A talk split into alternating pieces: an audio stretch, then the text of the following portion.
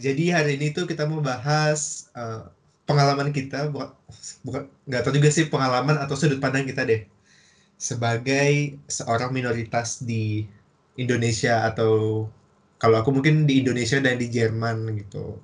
Soalnya kan berkaitan dengan isu-isu yang baru aja kejadian di Indonesia, kita tuh kayak, oh oke okay, kita mau bahas topik ini, tapi tapi kita nggak bahas tentang masalah atau kejadian yang baru kejadian kemarin kan di mana itu di pokoknya ada deh di daerah di Indo.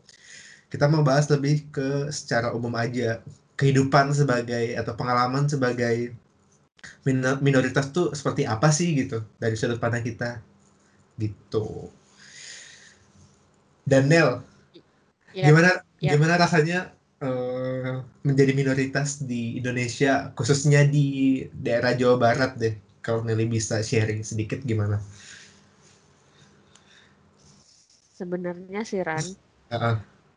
aku nggak ngerasa gimana gimana sih karena apa okay. uh-uh. karena karena aku juga sekolah di sekolah um, kebetulan sekolah swasta jadi kebetulan yeah. kayak orangnya tuh juga macem-macem tapi ada uh, ada juga yang spesifik ke agama tertentu okay. dan aku aku termasuk mayoritas di sekolah itu jadi aku nggak ngerasa um, minoritas itu di selama aku sekolah. Oke. Okay. Tapi kalau menurut aku sih sebenarnya sama aja sih Ran. Cuma sama aja gimana? Be, sama aja maksudnya apa yang dilakukan gitu ya. Paling beda oh. hari raya aja. Dan kayak biasa aja sekolah dan sebenarnya banyak uh, di sekolah itu kita ada semua agama nggak sih Ran? Kayak jadi kita yeah, kayak yeah, biasa yeah, aja yeah. Uh -uh. kita kayak biasa aja orang misalnya ada yang mau ibadah nih waktu istirahat ya boleh okay. mau apa namanya cuman emang belajarnya agama yang sekolah itu ya cuma gara-gara karena karena emang aturannya gitu wajib belajar cuman yeah, ya yeah. kan lagian itu tuh pelajarannya ya bukan sesuatu yeah. yang praktis gitu ya nggak sih Ran? Itu tuh kayak lebih yeah, teoritis bener banget sih. Malah aku ngerasa juga di kita ya jatuhnya tuh lebih kayak kita belajar uh, bermanusia nanti gak sih? Memanu memanusiakan manusia. Lebih ke kayak belajar nilai-nilai kehidupan gitu sih menurut aku nah dibanding iya, iya. ya kan? Uh, di, dibandingkan dengan praktisnya gitu kan maksudnya. Iya, kan itu nggak belajar secara praktek.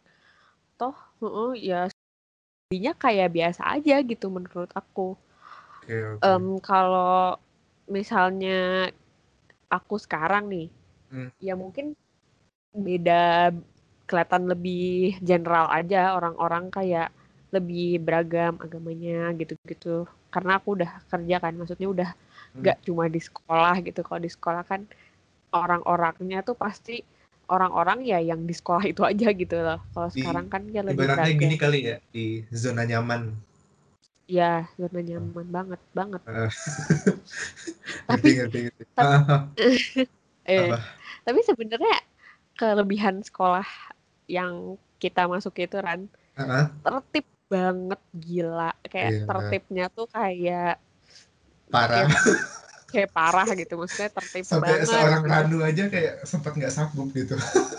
Iya, iya maksudnya Ranu tuh termasuk orang tertib, coy. Ranu tertib banget, banget. Orang pulang sekolah langsung pulang.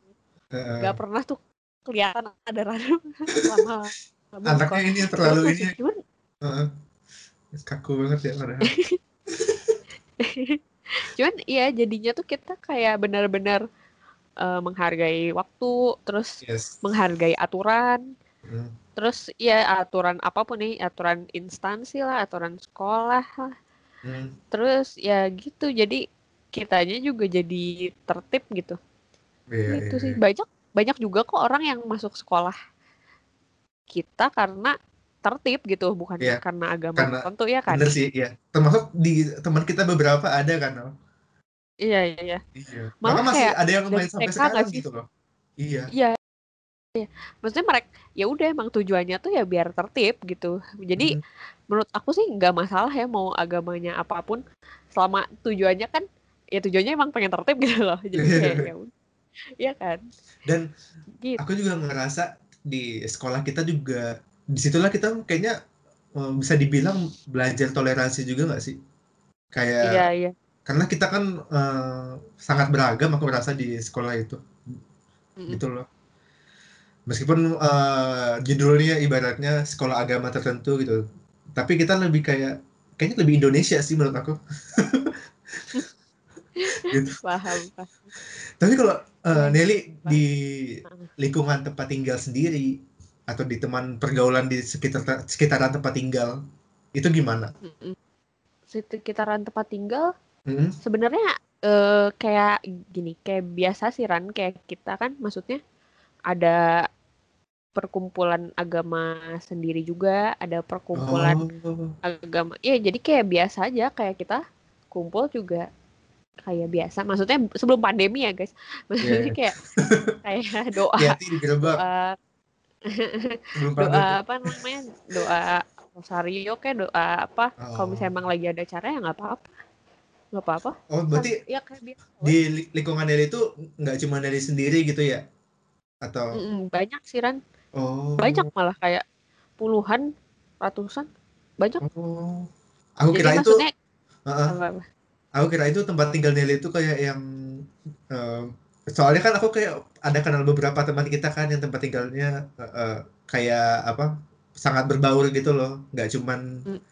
atau enggak mungkin dia sendiri gitu yang berbeda ibaratnya di lingkungan itu gitu Heeh. aku kira kayak gitu tempat Nelly Enggak sih, tempat aku banyak Hmm. banyak yang sama juga. Jadi oh. kayak bikin kayak doa juga kayak udah biasa gitu kan. Di sini Oke. iya semuanya juga doa sendiri-sendiri biasa aja. dan Nelly kan juga per- setelah lulus SMA Nelly pindah ke mana ya Jakarta bukan Jakarta Tangerang Cikarang Ya. daerah sana lah ya Tangerang. pokoknya Tangerang Sekarang ya beda-beda. Oh beda. Asal nyebut aja tadi. Dan kalau di Tangerang tuh gimana situasinya? Maksudnya eh, Nelly sebagai minoritas kehidupannya kayak gimana? Samakah seperti di Bandung atau sedikit berbeda kah? Sama sih Ran sebenarnya. Orang Wah, kayak biasa aja, bisa tiap hari Minggu. Oh, Terus oke. terus misalnya di sekolah ada sekolah yang dibuat tempat misa gitu. Oh, Cuman emang belum ada gereja dekat aku. Karena gerejanya eh, apa Belum. namanya masih belum dibangun, tapi udah udah ada bakal mau dibangun gitu. belum banyak umatnya Gitu. kali ya? Iya, jadi kemarin tuh emang baru gimana ya? Jadi emang daerah situ tuh baru mau ada rencana gitu. Jadi bu- Oh, belum oke, belum oke. jadi aja intinya kerjanya. Gitu Mhm, deh. mhm. Ngerti, ngerti, ngerti. Oke, kalau aku sendiri ya menjadi minoritas mungkin bisa dibilang ya sama kayak Nelly sih sepanjang hidup aku. sepanjang aku hidup. Banyak hidup kamu Ah. ya. Cuman di eh, tempat aku berasal, ya itu tuh eh, nggak begitu berasa gitu loh. Kayak lu tuh sebagai minoritas tuh kayak nggak berasa karena mungkin eh, porsi penduduknya misalkan berdasarkan agama dan suku juga hampir seimbang gitu loh. Maksudnya nggak ada yang terlalu mendominasi gitu, Nel. Jadi kayak misalkan kita mau nyari makanan eh, non halal, nah di, di tempat aku tuh kayak gampang banget gitu loh, Nel. Dan nggak pernah ada masalah juga sama eh, apa pa- masyarakat yang lainnya gitu. Maksudnya yang yang nggak makan itu, jadi kayak yang fine fine aja dan ada kita ada bahkan pasarnya itu tuh digabung gitu loh, Nel. Pasar yang menjual Ah. baik yang mentah, baik yang udah dijadi dalam bentuk masakan dan lain-lain itu tuh kayak dijual bebas aja dan nggak pernah dapat masalah gitu. Makanya pas aku pindah ke Bandung tuh kayak sedikit kayak agak culture shock gitu sih, kayak yang agak susah ya gitu. Atau emang aku nggak tahu aja kali ya tempatnya di Bandung di mana gitu. Tapi kalau di tempat aku ya gitu tadi. Dan eh, uniknya di tempat aku juga di setiap misalkan perayaan eh, eh, kebesaran agama setiap agama. Nah itu tuh dirayakan secara seimbang gitu loh Nel. Kayak misalkan Hmm. hari raya lebaran nah itu di setiap sudut jalanan atau apa tuh pasti kayak dikasih hiasan lampu kah? Atau pernak-pernik yang apa yang ber- ketupat. iya ketupat berhubungan dengan lebaran lah gitu. Nanti pas Imlek Ah, lampion semua isinya gitu nanti pas Natal ada pohon Natalnya. Dulu bahkan kayak ada pohon Natal gede gitu sempat dibangun di tengah di tempat umum gitu. Terus kayak yang jadi makanya aku tuh kayak nggak berasa gitu loh sebagai minoritas sebenarnya gitu. Tapi ketika aku udah uh, pindah ke Bandung nah itu tuh baru kayak oh berasa banget nih gue minoritasnya kayak gitu so tapi bukan bukan dalam artian yang negatif ya kayak yang aku mendapat perlakuan yang uh, gimana gimana. Enggak cuman kayak yang ya agak kaget aja gitu sih Nel gitu. Karena tadi aku mungkin bisa dibilang uh, hidup di zona nyaman kali ya. Yeah, bisa dibilang yeah, gitu. uh, bahkan juga waktu aku di di SMP di tempat aku berasal itu uh, sama kayak kita di Angela bahkan uh, umat dari agama Konghucu dan Buddha juga termasuk banyak gitu di tempat aku. Dan iya, iya. padahal itu bisa dibilang sekolah Katolik gitu.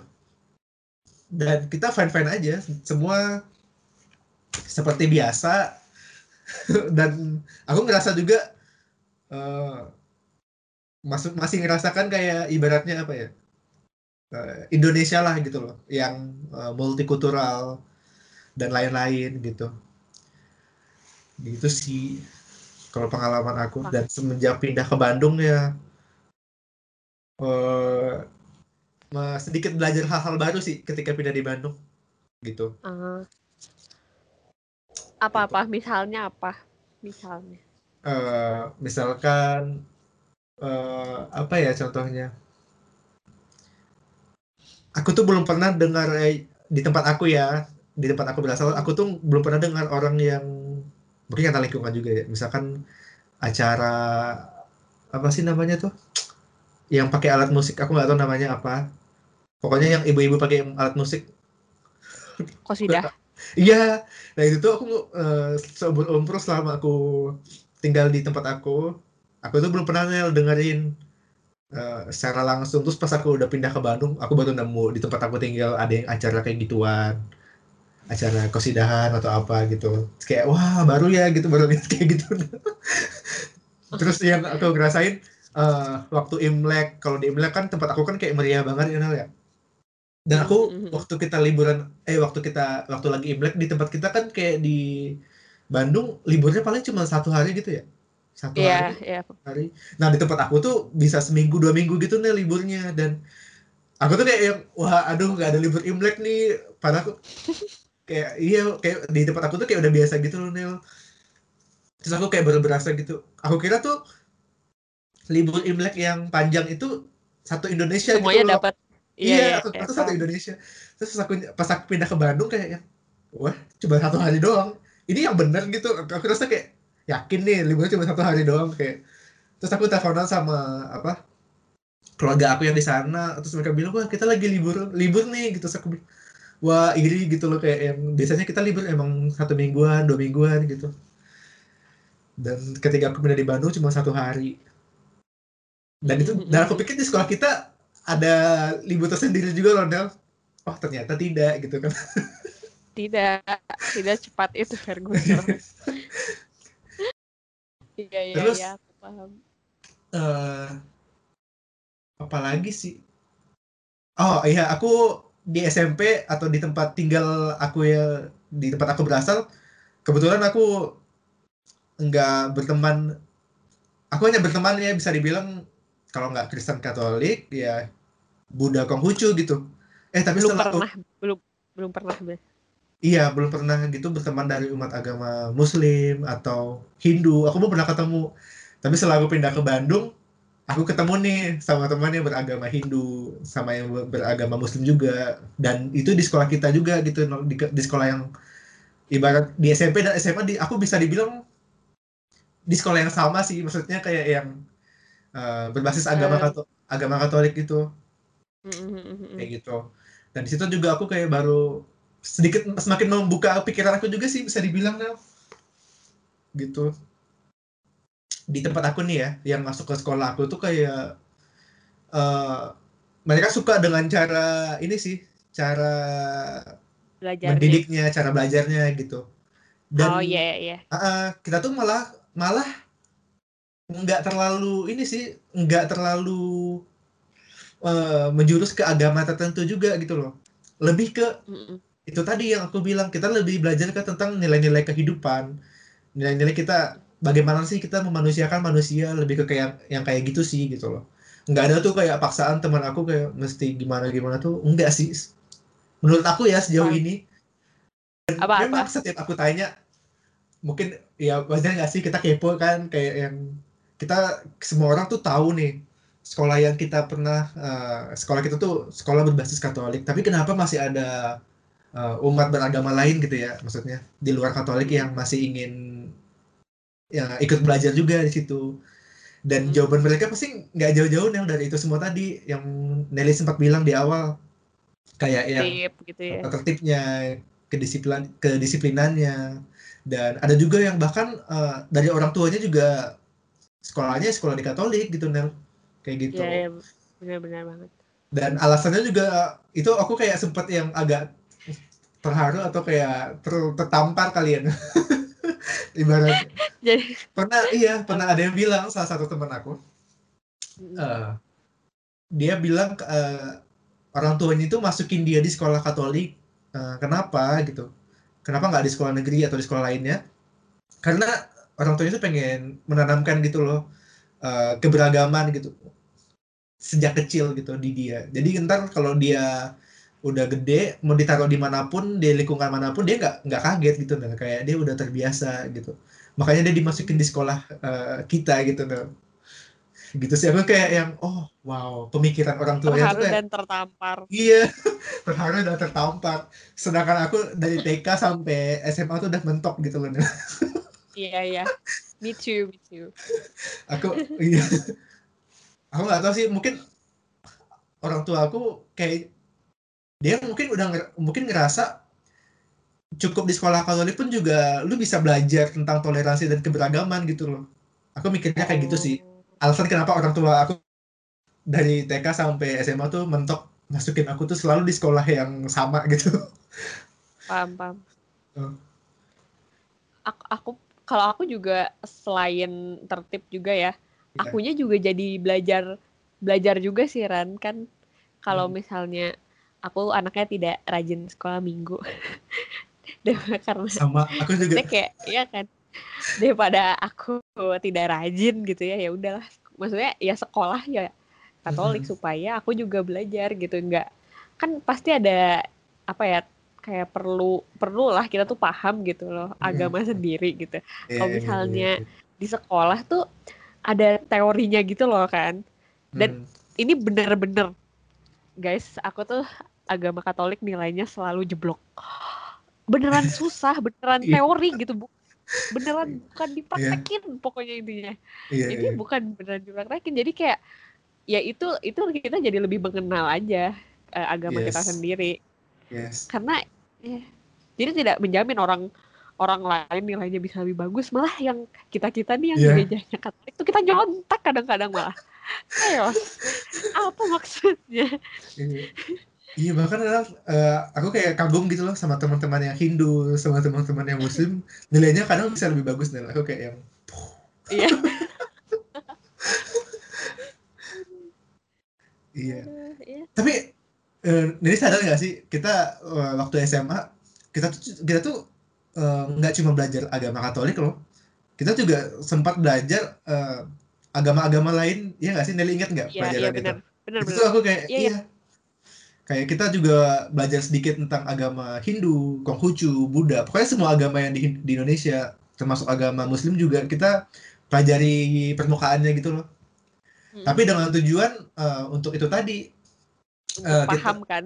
Iya untuk paham seperti apa sih ajaran agamanya. Nanti kita kalau bertemu orang yang seperti itu uh, kita mesti kayak gimana gitu loh Hmm. lebih kayak kayak gitu sih. Jatuhnya juga baik lagi tadi ke ke apa? Ke toleransi lagi tadi. Ujung-ujungnya kayak gitu sih tujuannya. Begitu. Yeah, uh. tapi kalau buat pengalaman lainnya di Bandung aku mungkin nggak begitu banyak sih. Soalnya aku kayak cuma tiga tahun doang. Yeah, tinggal yeah. di tinggal di Bandung. Dan kalau tempat tinggal tadi aku pun juga pindah-pindah loh Nel. Kadang aku di tempat yang uh, mungkin bisa dibilang aku sendiri gitu yang beragama Katolik di daerah situ. Tapi kadang aku tinggal di tempat yang uh, kayak misalkan di daerah Maranata ya Nelly tahu sendiri kan itu kan sangat ini ya sangat beragam ya. Jadi aku nggak yeah, begitu yeah, nggak yeah. begitu ngerasain juga sih waktu aku tinggal di daerah sana. Gitu. Well dan well. Aku juga mau sedikit cerita pengalaman aku ketika Apa? pindah di Jerman pindah di Jerman iya oh, iya. Uh, dan lagi-lagi aku uh, apa bisa dibilang um, aku nggak tahu sih ini bisa dibilang minoritas atau enggak tapi uh, di Jerman kan juga uh, kalian tahu sendiri kan di Jerman juga lumayan banyak orang yang uh, apa ya tidak beragama ya kali bisa dibilang kayak gitu ya tidak beragama hmm. meskipun kelihatannya uh, kalau orang lihat dari jauh orang lihat dari luar kayak yang wah banyak gereja ya gitu um, intinya sih kalau orang di luar negeri kan kita ngelihatnya kayak mereka tuh banyak yang udah nggak beragama kan ya kan maksudnya iya. tapi padahal banyak gereja gitu iya, karena emang masyarakatnya udah mulai eh, nggak uh, ke gereja gitu nggak sih Ran? Yes, yes, maksudnya yes. Meng, ya udah mulai nggak ke gereja. Yes. walaupun gereja udah masih banyak gitu. Gereja masih banyak gitu. Dan aku tuh baru ngerasain kayak culture shock gitu Nel ketika ketika Apa-apa? suatu ketika gitu.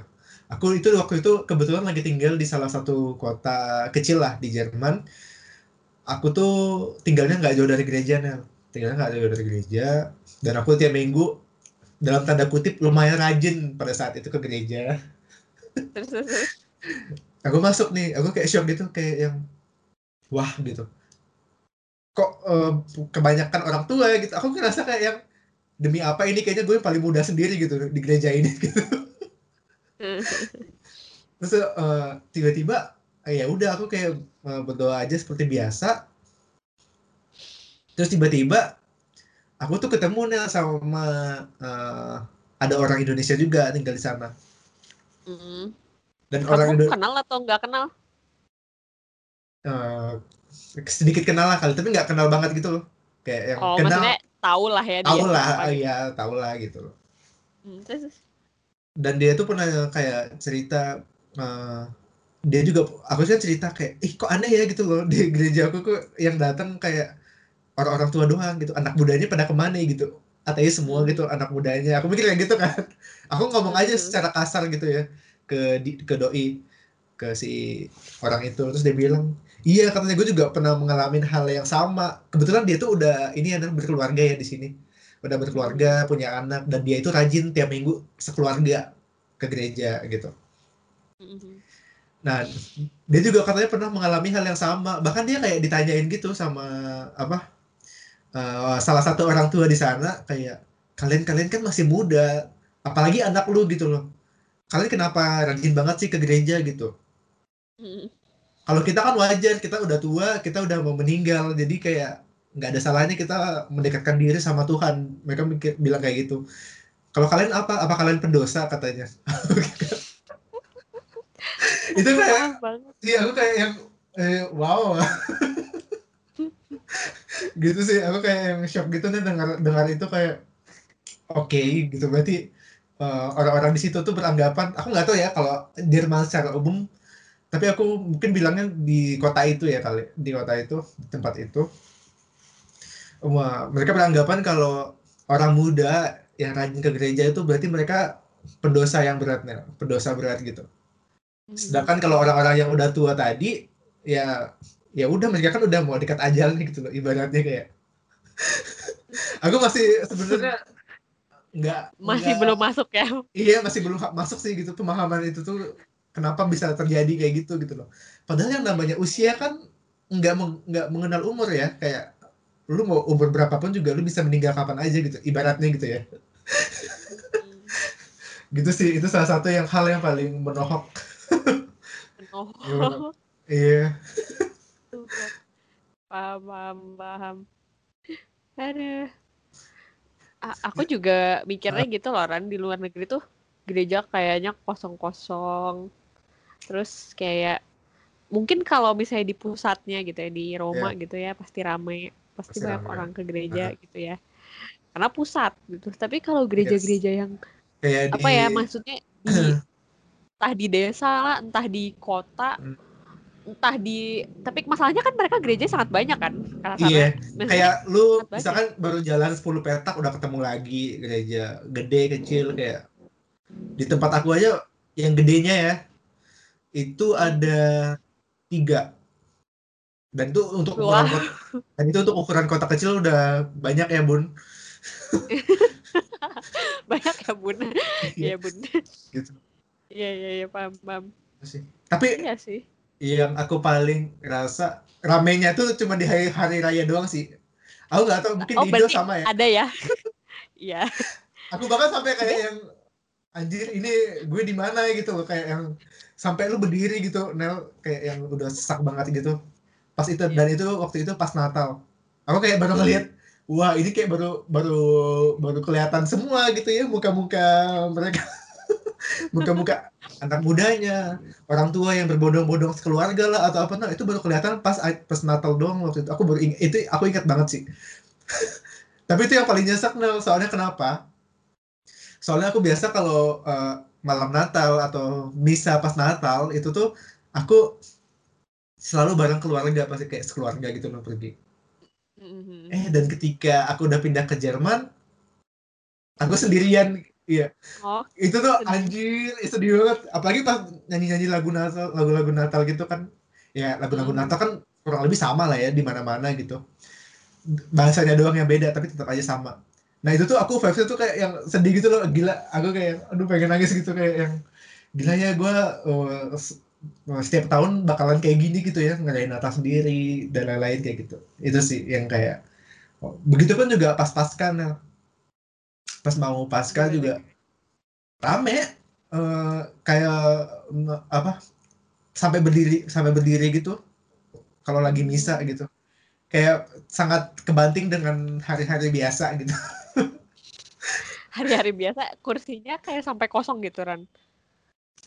Maksudnya atau kalau waktu penuh kalau tapi nggak sampai berdiri gitu. kalau aku di kota kecil ya kalau waktu aku di kota kecil banyak kosong sih waktu aku di kota kecil banyak kosong ya tapi waktu aku pindah di daerah Frankfurt sini waktu di katedral rame tapi cuman dia ramenya tuh rame yang Katedral. Hah? Katedral itu kayak di mana pun dia selalu rame gak sih ya? iya sih iya sih Iya ya. sih? Iya sih kayak iya sih. Cuma kan tadi aku punya pola pikir yang itu tadi loh Nel, kayak yang di Jerman gini mah terlepas dari segede apa pun gerejanya tetap em, mungkin nggak ramai kali atau apa, tapi ternyata enggak gitu. Kalau di katedral di daerah Frankfurt tetap ramai, cuman dia ramainya tuh ramai yang ini Nel, yang normal lah, ramai yang wajar gitu loh. Yang lu nggak sampai nggak dapat kursi atau apa gitu loh. Enggak, lu masih dapat kursi dan lain-lain gitu kayak fine masih oke sih gitu cuma pas Natal doang yang susah gitu jadi inget bentar lagi mau Natal aku udah putar-putar lagu Natal nih. sama sih aku juga kayak sebulan bahkan kayak dari bulan November udah Iya ya udah sangat tidak udah ya. berasa, ya. dan kalau bicara soal Natal Apa-apa. itu gimana di tempat Nelly Di tempat aku kita harusnya sih ngaku dosa, cuman nggak tahu deh ini sekarang gimana ngaku dosanya deh bingung gue. Belum lihat jat apa ya, belum lihat pengumuman lagi. aku via Zoom kali ya Ih, kok via Zoom? Ya biasa sih via Zoom. Saya di sini lagi zona merah BTW. oh aku kira oh so oke oke aku kira udah membaik Kemarin- di sana Oke. Nggak, nggak. Kemarin katedral sempat tutup gara-gara eh, ada salah satu pastor yang kena COVID oh BTW. Udah buka sih, Oke. udah kembali buka. Mhm. Cuman maksudnya bener-bener seketat itu sekarang karena bukan maksudnya bener-bener seharus hati-hati itu sih soalnya lagi zona merah. Oh. Tapi kalau eh, sebelum pandemi, Mm-mm. Nelly merayakan Natal gimana di, Oh. di- sana? Ini nih aku ceritain. Aku, aku tuh sering banget, gak sering hampir tiap tahun ngerayain eh, Natal di tempat kakek aku. Oh, Di- jadi nggak di Bandung nih? Nggak, seringnya sih nggak di Bandung. Tapi kadang-kadang di Bandung walaupun jarang sih. Oh. Jadi intinya kita tuh eh, ibadah bisa pakai bahasa Jawaran. Bayangin dari awal Wow. sambil pakai bahasa Jawa. Terus pakai Oh. lagunya pakai gamelan. Wah, Wah, aku jadi jadi kayak kayak waktu di Klaten deh. Di Klaten kayak gitu juga gak sih atau beda? Atau kayaknya yang emang pakai bahasa Sunda ya? di Klaten pakai bahasa Jawa lah. Bahasa Sunda. Maaf salah kebalik. Emang pakai bahasa Jawa ya, Ran?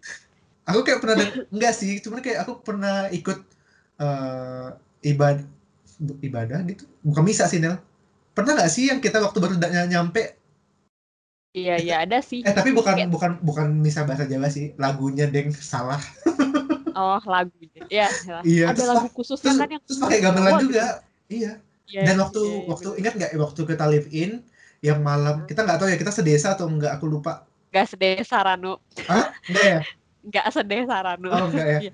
Aku ingat pokoknya di desa aku waktu live in kemarin aku ingat tuh yang kita ada sebelum perpisahan kayak sebelum balik ke Bandung kita kayak ada ibadat malamnya gitu di salah satu rumah keluarga di situ dan mereka nyanyi eh, pakai lagu Jawa Nel dan aku speechless gitu aku kayak cuman hmm, eh, eh, diem doang sedikit sedikit eh, inilah improvisasi kali ya ikut-ikut nyanyi gitu nada doang dan itu menarik sih Paham, paham, paham.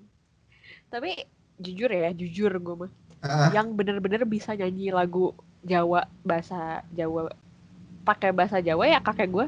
Yang lain tuh kayak kurang kurang sih menurut aku. Aksennya kali ya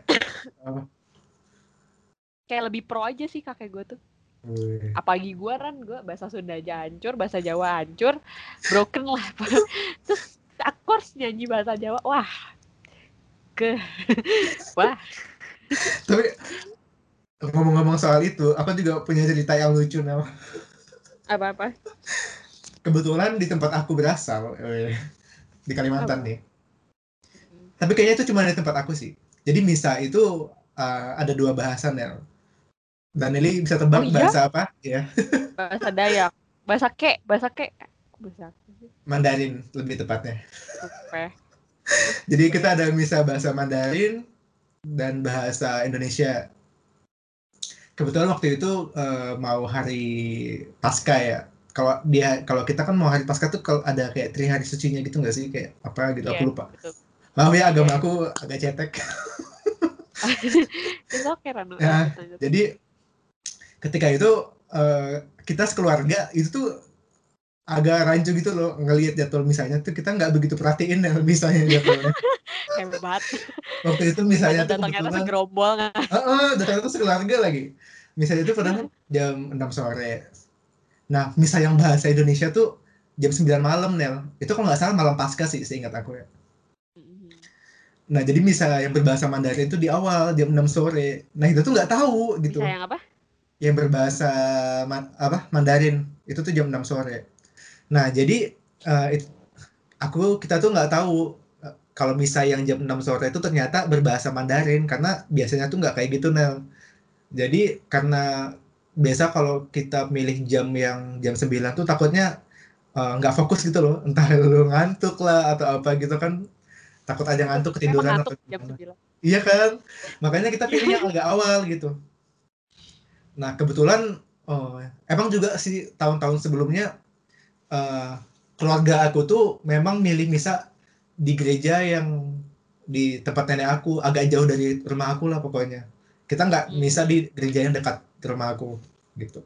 Karena apalah gitu alasannya ap- karena se- setiap kita habis misa kita tuh ada acara gitu loh di tempat nenek aku di tahun-tahun sebelumnya. Tapi kebetulan tahun itu kita nggak ke sana.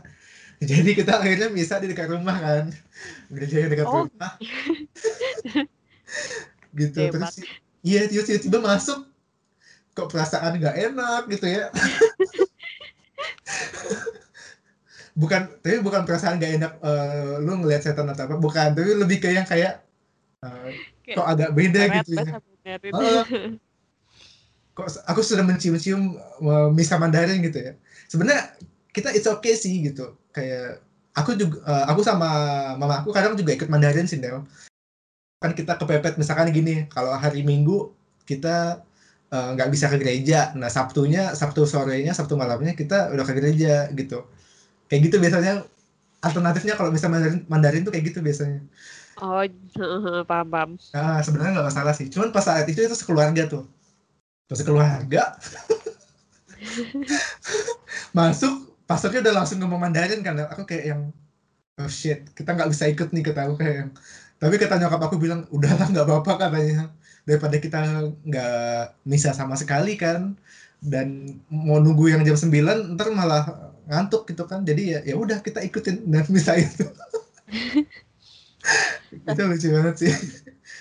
Tapi yang bagusnya tuh kan urutannya tetap sama kan. Tetap sama. Jadi ya udah kan. Yes, Jadi maksudnya kitanya tuh nggak pusing gitu. Iya, oh ya udah. Oh, fun fact, aku juga di Jerman kayak gitu, Nel. aku kayak bisa dibilang udah ng- ngikutin berbagai macam bahasa ya.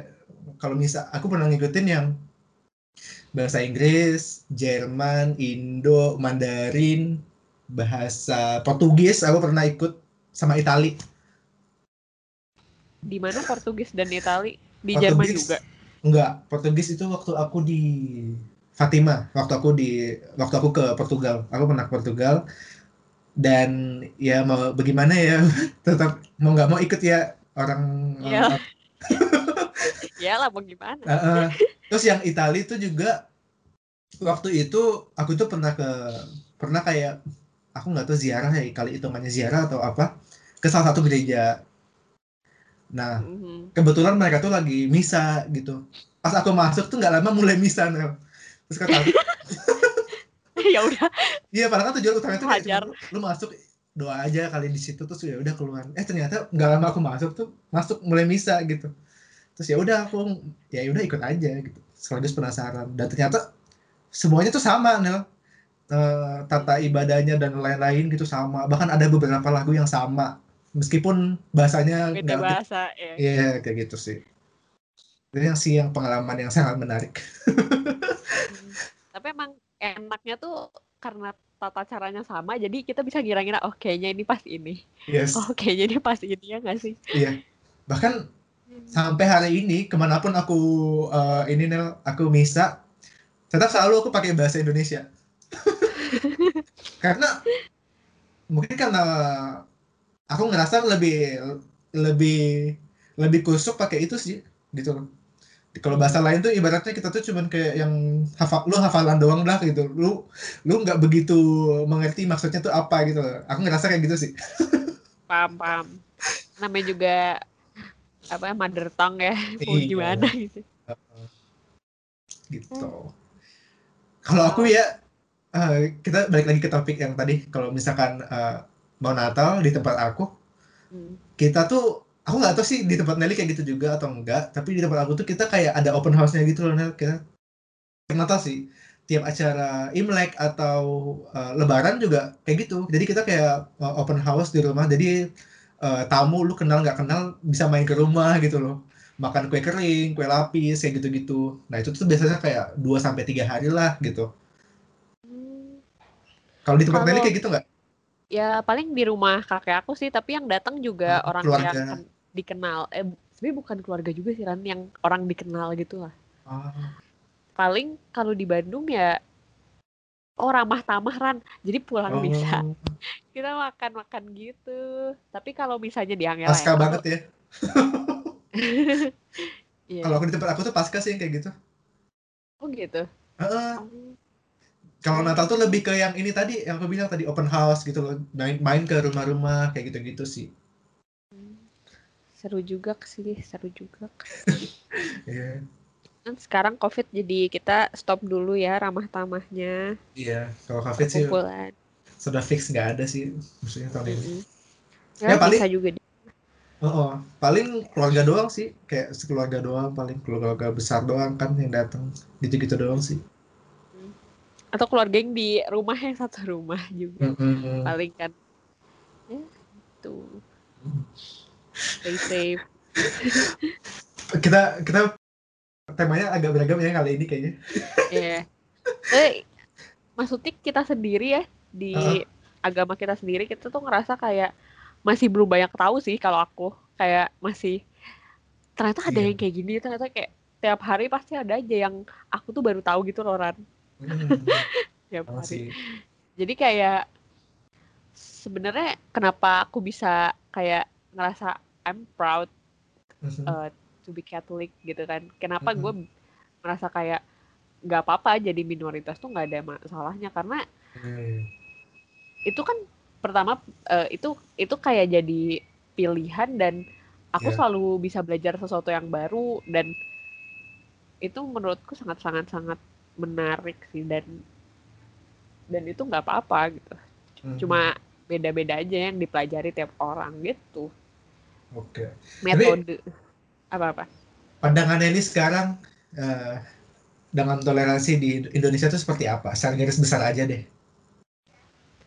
Hmm, menurutku sih kita masih perlu belajar sih Ran masih banyak perlu Hmm. belajar Oke. terus kita perlu ngelihat dari berbagai perspektif juga kayak gitu sih karena kadang-kadang tuh Hmm, kita tuh nggak sadar bahwa kita tuh kurang paham yang lainnya gitu kita cuma paham yang Yang kita yang kita dulu- anut aja gitu Iya, kadang iya, tuh iya. gitu Bener sih. Gitu Yes. deh. Setuju banget sih. Aku aku kayak bisa dibilang gimana ya? Eh, Benar sih, sih yang Nelly eh, apa Nelly bilang gitu. Semua itu pada akhirnya kan balik lagi kan ke diri kita masing-masing. Dan kita juga memang masih perlu belajar sih. Dan eh, nggak cuma dari sudut pandang eh, kepercayaan yang kita anut aja, tapi dari eh, sudut pandang kepercayaan orang lain juga gitu sih. Itulah baru yang kita bisa bilang ada yang namanya toleransi.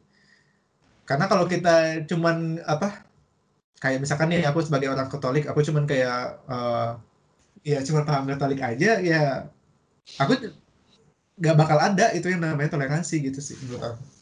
Kayak gitu. Mm, mm, mm, mm. Untuk ukuran negara kita sendiri, ukuran apa Indonesia, aku bilang memang kita memang mesti harus banyak belajar lagi eh, yang namanya toleransi tadi gitu.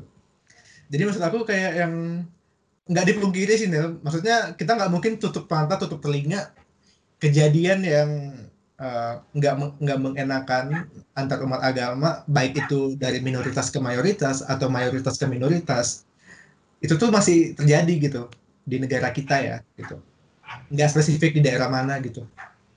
Dan terlepas itu dari terang terang-terangan atau secara terselubung juga ya itu bisa dibilang sedikit mengganggu sih keberagaman kita sebenarnya gitu. Ya sih. Iya, tapi aku ngerasa di generasi muda kita harusnya jauh lebih baik sih Nel gitu.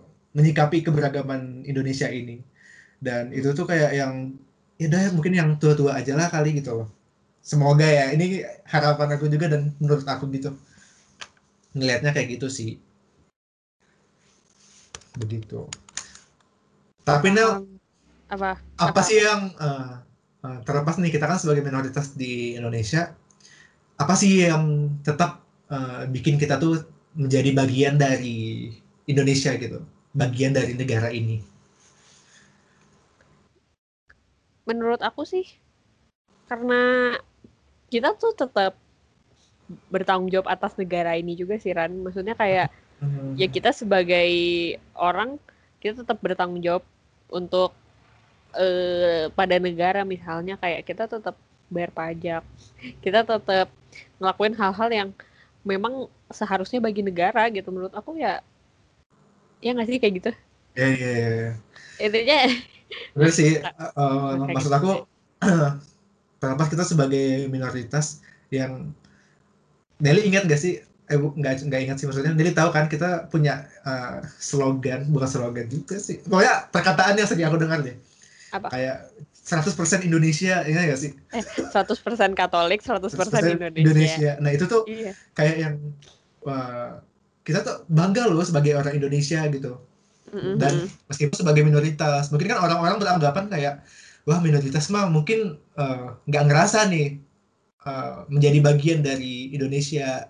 Dan itu tuh salah gitu. Maksudnya kayak yang Mm. kita tuh bangga loh jadi bagian dari Indonesia. Bahkan ke mana pun kita pergi kita tuh eh, bangga gitu menyebutkan kalau gue tuh dari Indonesia. Meskipun orang-orang mikir kayak oh kok lu nggak seperti orang Indonesia yang gue kenal sih kebanyakan? Nah aku tuh nggak nggak jarang menghadapi Oh iya. pertanyaan seperti itu. Ya dari orang-orang dari apa teman-teman negara lain ya Mhm. kayak yang ya aku dengan senang hati ngejawab kayak eh, apa Indonesia tuh beragam. Aku dengan bangga ngasih tahu ke mereka Indonesia tuh beragam. Nggak cuman eh, dari eh, agama atau kelompok tertentu doang kita tuh sangat beragam loh gitu loh ngasih tahu ke mereka gitu dan mereka kayak cukup tak- takjub aja gitu kayak wah kayak gitu ya ternyata di Indonesia kayak dia baru tahu gitu loh dia pikir kan. Indonesia selama ini cuman mm, orang lihat di berita atau di eh, apa dari omongan orang kebanyakan kan kayak gitu loh Iya, iya, benar benar benar. Ya. Perfect. ya, bagaimanapun juga ya kita ya tetap cinta dong negara ini Iyalah. Kita lahir, kita makan, kita semuanya kayak kita benar-benar harus bertanggung jawab dengan kita bukan maksudnya kita benar-benar harus kayak berterima kasih sama negara ini gitu. Ya. Ya kan? Ya. Tuh. dan aku juga ini sih sangat berterima kasih lah sama apa teman-teman di luar sana yang Hmm. masih apa masih sangat aku respect deh sama kalian-kalian yang masih menghargai uh, perbedaan gitu kita tuh uh, kita tuh bisa membuktikan gitu loh ke dunia kalau kita tuh bisa hidup berdampingan gitu itu sih yang pengen aku sampaikan Hmm, benar benar benar. Terima kasih semuanya yang sudah mendengarkan. Semoga kalian kita sama-sama berjuang untuk Indonesia yang lebih baik ke depannya. Coblos Nelly Oh, gak gitu oh caranya. nggak gitu Gak, gak, gak, kok enggak. oh enggak enggak Bukan lagi, bukan lagi, bukan lagi, apa namanya? Lagi apa namanya? lagi apa pemilu pilkada Bukan, bukan, bukan lagi kampanye campaign, campaign, bukan lagi kampanye kok. Iya Oke. Oke, eh, ya itu doang tadi sama yang Kenelly bilang. Sampai jumpa minggu depan. Ciao. Ciao.